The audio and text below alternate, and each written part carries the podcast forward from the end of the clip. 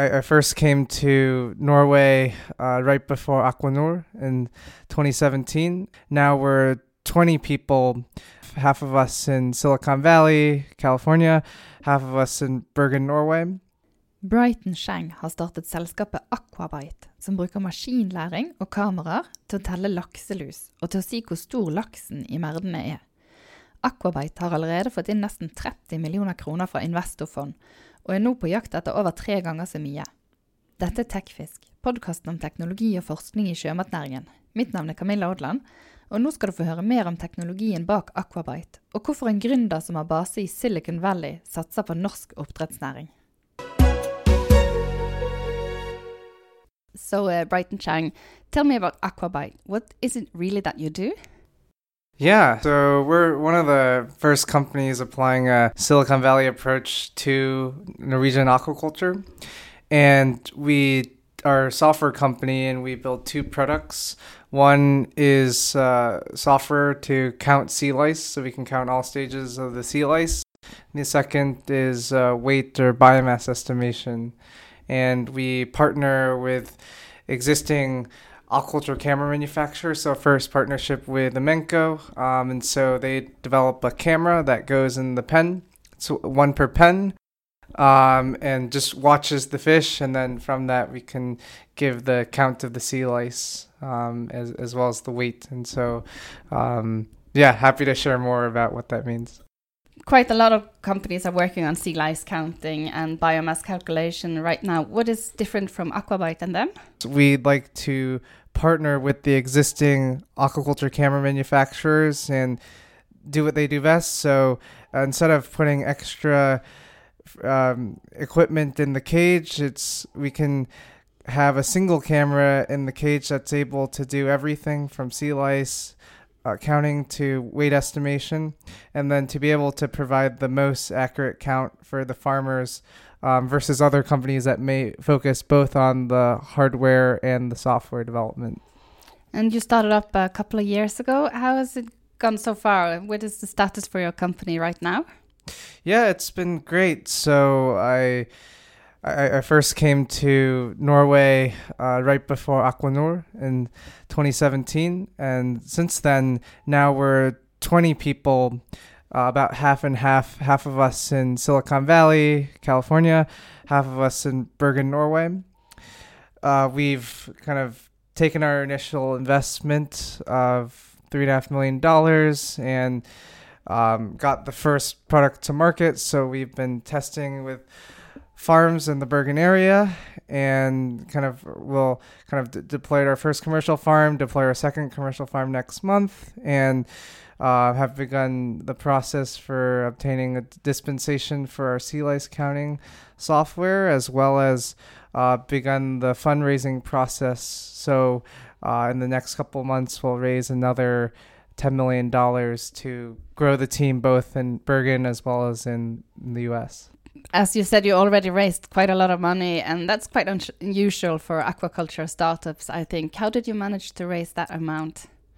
Yeah, part of it is that the US investors are quite excited about Norwegian aquaculture. We actually had a couple of our investors come to tour a couple weeks ago, and I, I think there's also this sense that. Um, yeah, there's there, there's a lot of opportunity here, and uh, company applying Silicon Valley mentality can build a product and get it to market much faster than perhaps a typical Norwegian mentality of um, kind of building one by one. And so it's something where uh, in a year's time we've been able to get the first product to market, and the funding is really to uh, accelerate development such that we can get the the next couple of products, which will be the biomass estimation, pellet counting, uh, to market as well.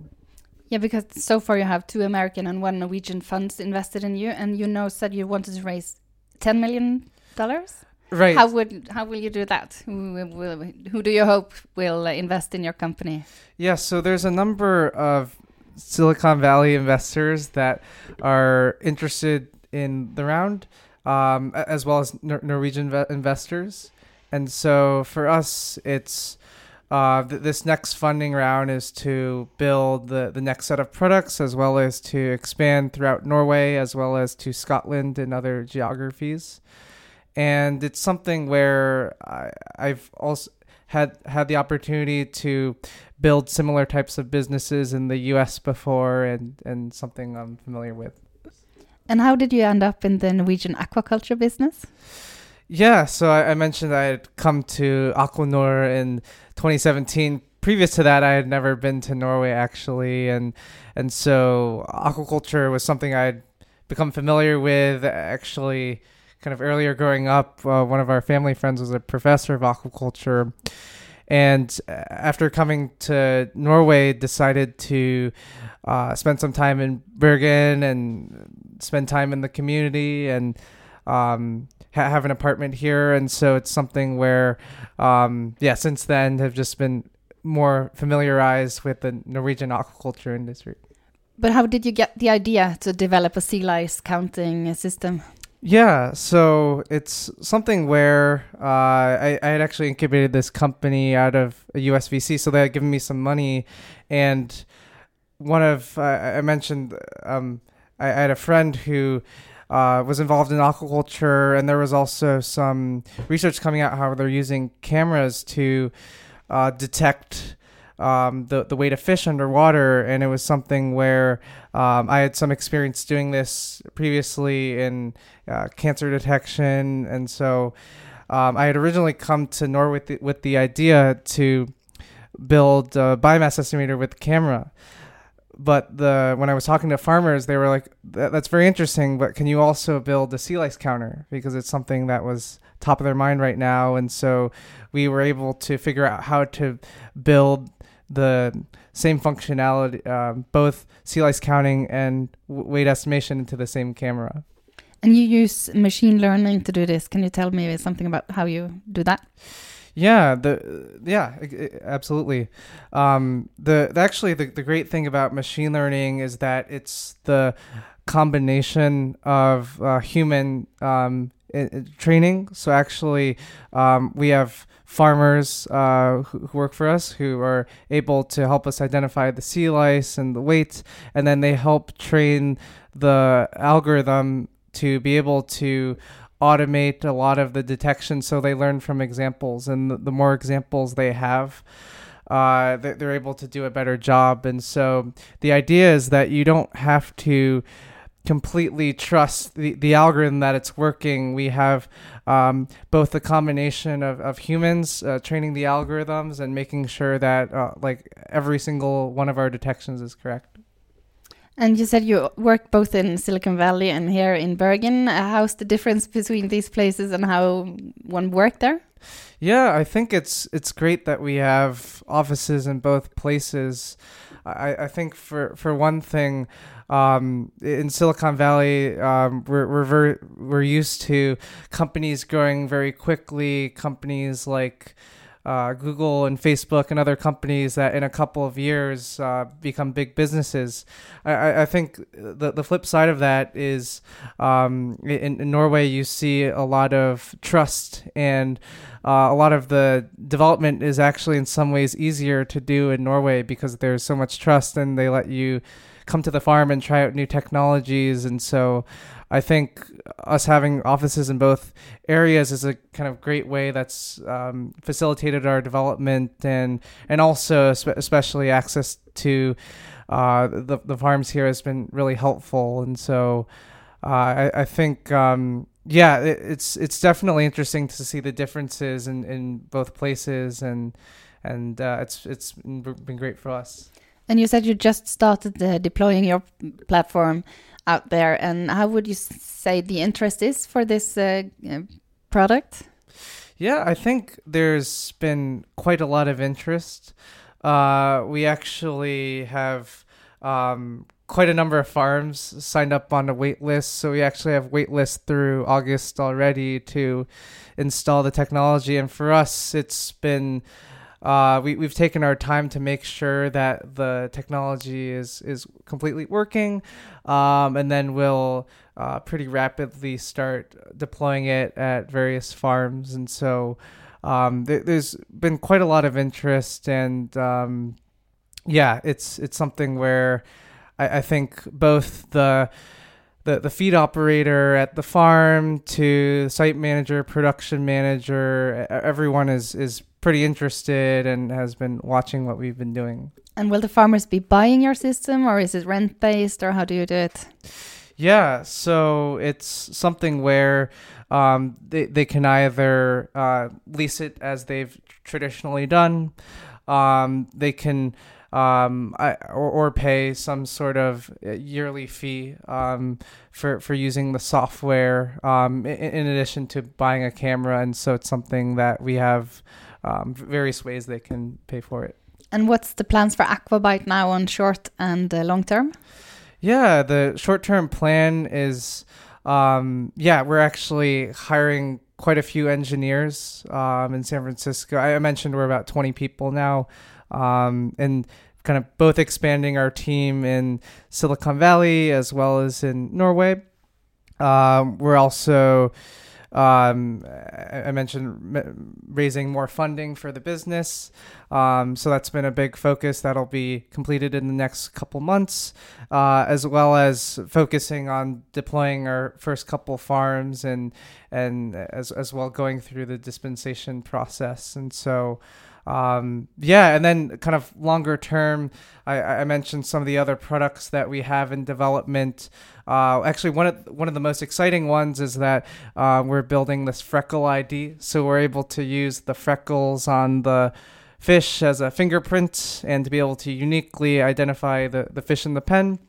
Um, that's built kind of in conjunction with our technology for the biomass weight estimation, and then later on this year we'll be looking at uh, counting pellets as well as uh, eventually, eventually being able to optimize the feeding. And so, again, this is something where we've kind of designed this to all work with the, the same camera system. So the, the same camera system they install will be able to support all these different use cases.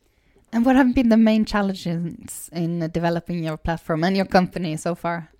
Yeah, I think the the main challenge is one uh, is just a very practical challenge of uh, having two different offices in two different countries where uh, th- there's a lot of um, collaboration and and communication that needs to happen. So we've had engineers um, come to Norway as well as um, kind of our Norwegian staff come to Silicon Valley.